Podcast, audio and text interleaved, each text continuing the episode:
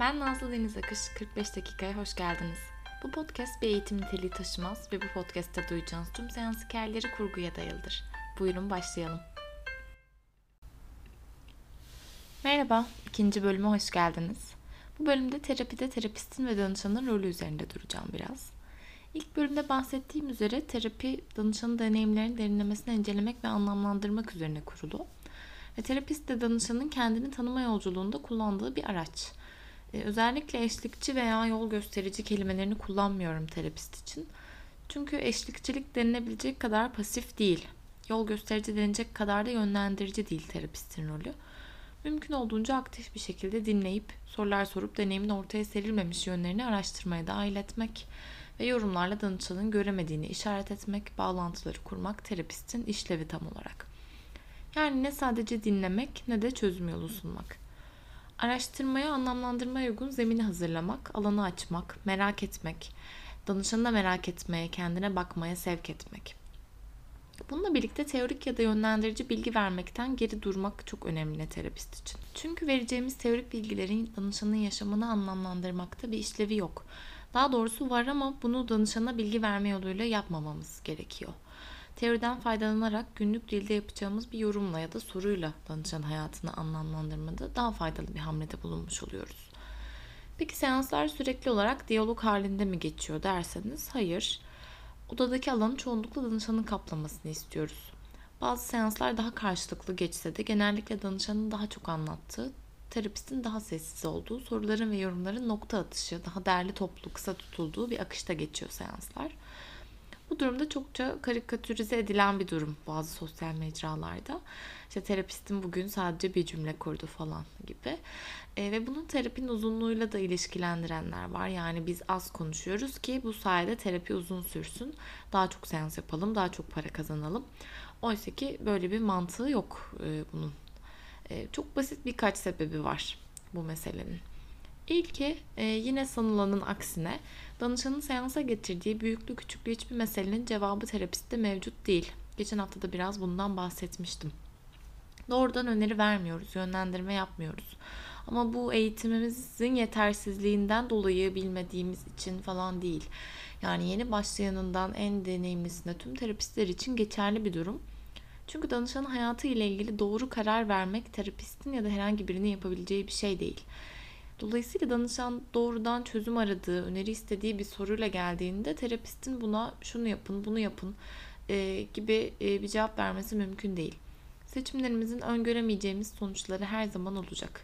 O seçim sizi mutlu, memnun edecek mi bunu kimse bilemez.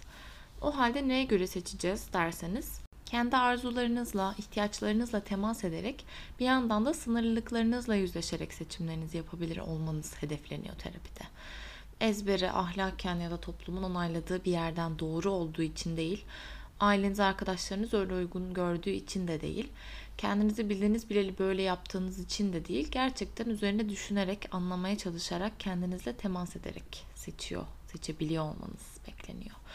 Dolayısıyla terapide terapist doğru soruları sorarak danışanın getirdiğini katman katman açarak bir seçimi nasıl yaptığını, nelerin onu etkilediğini, neleri göz ardı ettiğini, seçime dair neler hissettiğini, başka seçenekleri görüp göremediğini ve daha birçoğunu araştırır. Soruların yanında yeri geldikçe yorumlar da yaparak danışanın görmediklerini ona gösterir, deneyimleri arasında bağlantı kurar ve onları daha büyük bir resme yerleştirir. Peki terapist bunu neden her seans daha sık, daha hızlıca yaparak süreci hızlandırmıyor derseniz bu da terapi neden uzun sürüyor sorusunun ikinci cevabı. Yeri zamanı gelmeden yapılan yorumlar terapi sürecini genelde pek olumlu etkilemiyor. En iyi ihtimalle danışan terapistten gelen bu erken yorumu anlamlandıramaz, çok üzerinde durmaz, geçer. Ama daha kötü ihtimallerde bu erken yorum danışanda hazır olmadığı, zeminini çok sarsan yankılara sebep olabilir. Bu durum ayrıca terapist danışan ilişkisine zarar verebilir. Danışanın terapiyi bırakmak istemesine sebep olabilir. Burada şuna da değinmek istiyorum. Ee, size zor gelen, yoğun duygular yaşatan sorular, yorumlar elbette duyacaksınız. Yani bu terapinin bir parçası.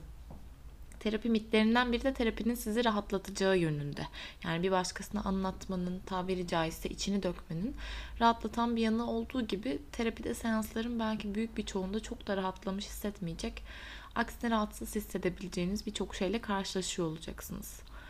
Dolayısıyla bunları her hissettiğinizde bu terapistin yorumu erken yaptığı anlamına gelmiyor. Ama geri dönecek olursam terapistin işlevi de tam zaten zor, yoğun duygularla dolu deneyimleri danışan da bakmaya, görmeye mümkün olduğunca hazırken onu karşılaştırmak. Bu nedenle aklımıza gelen her bağlantıyı danışana söylemektense bazen onun görmesini, bazen zamanının gelmesini bekliyoruz. Bu noktada terapistin bir diğer işlevi bir hafıza görevi görmek yani danışanın anlattıklarını biriktirmek, her an onunla paylaşmasa da kendi zihninde bir bağlama oturtmak. Bu yüzden odanın içinde en önem verdiğim şeylerden biri ciddiyetle dinleme hali. Yani içerikten, odadaki duygudan bağımsız daima kurduğum tavır dinlediğim şeylere ciddiyetle ve özenle yaklaşma hali. Bu ciddiyete terapistlere dair konuşulan yine mitlerden biri. Terapistin işte yüzünde mimik oynamıyor, duvar gibi e, denildiğini duyuyorum bazen. E, bunun zıttı bir yerden ekranlarda da bazen gördüğüm bir diğer uçta olan terapistler var. Danışana daha böyle acıyan gözlerle bakan ya da neşelendirmeye çalışan gibi. İkisinin de e, uç olduğunu düşünmekle beraber ama daha mimiksiz, daha donuk diye anılan terapistlerin çalıştıkları ekol gereği bir amaca hizmet ederek bunu yaptığını biliyorum ve buna saygı duyuyorum. Genellikle daha psikanalitik çalışan terapistler için kullanılır bu söylem. Ama dediğim gibi bunun arkasında bir sebep var ve e, ona burada girmeyeceğim.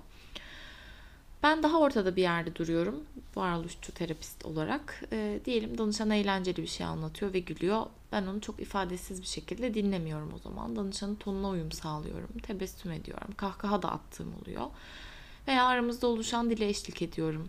E, kendini anlatırken esprili bir tarzı varsa danışanın mesela ben de bazen yorumumu bir espriyle beraber yapıyorum. Ama yine de yorumumu yaparken söylediğim şeyde ciddiyim.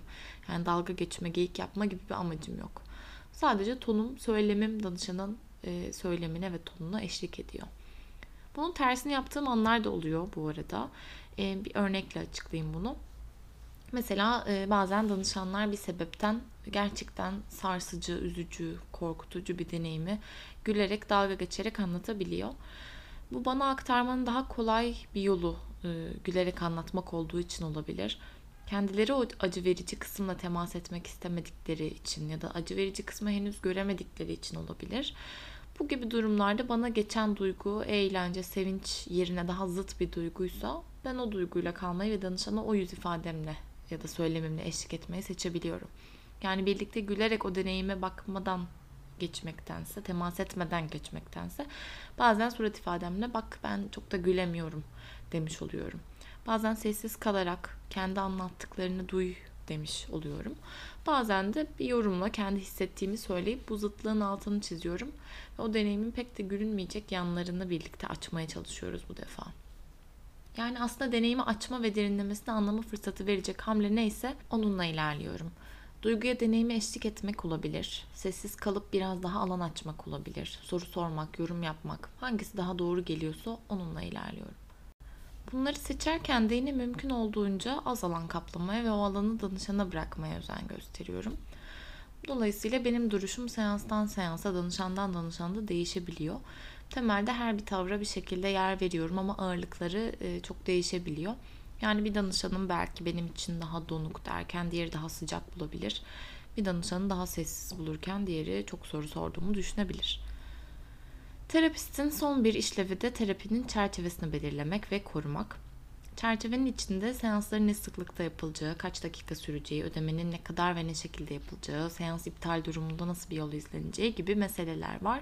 Terapistin bu çerçeveyi danışanı ve terapisti koruyacak şekilde belirlemesi ve arkasında durabileceği bir çerçeveye sahip olabilmesi çok önemli. Peki danışan olarak terapide sizden beklenenler neler? Çerçeveye uymanız bekleniyor öncelikle. Belli bir düzende ve sıklıkta olmadığında terapi işlemiyor. En az haftada bir düzende çalışıyorum ben ve önerilen çalışma şekli de bu derinlikli terapiler için.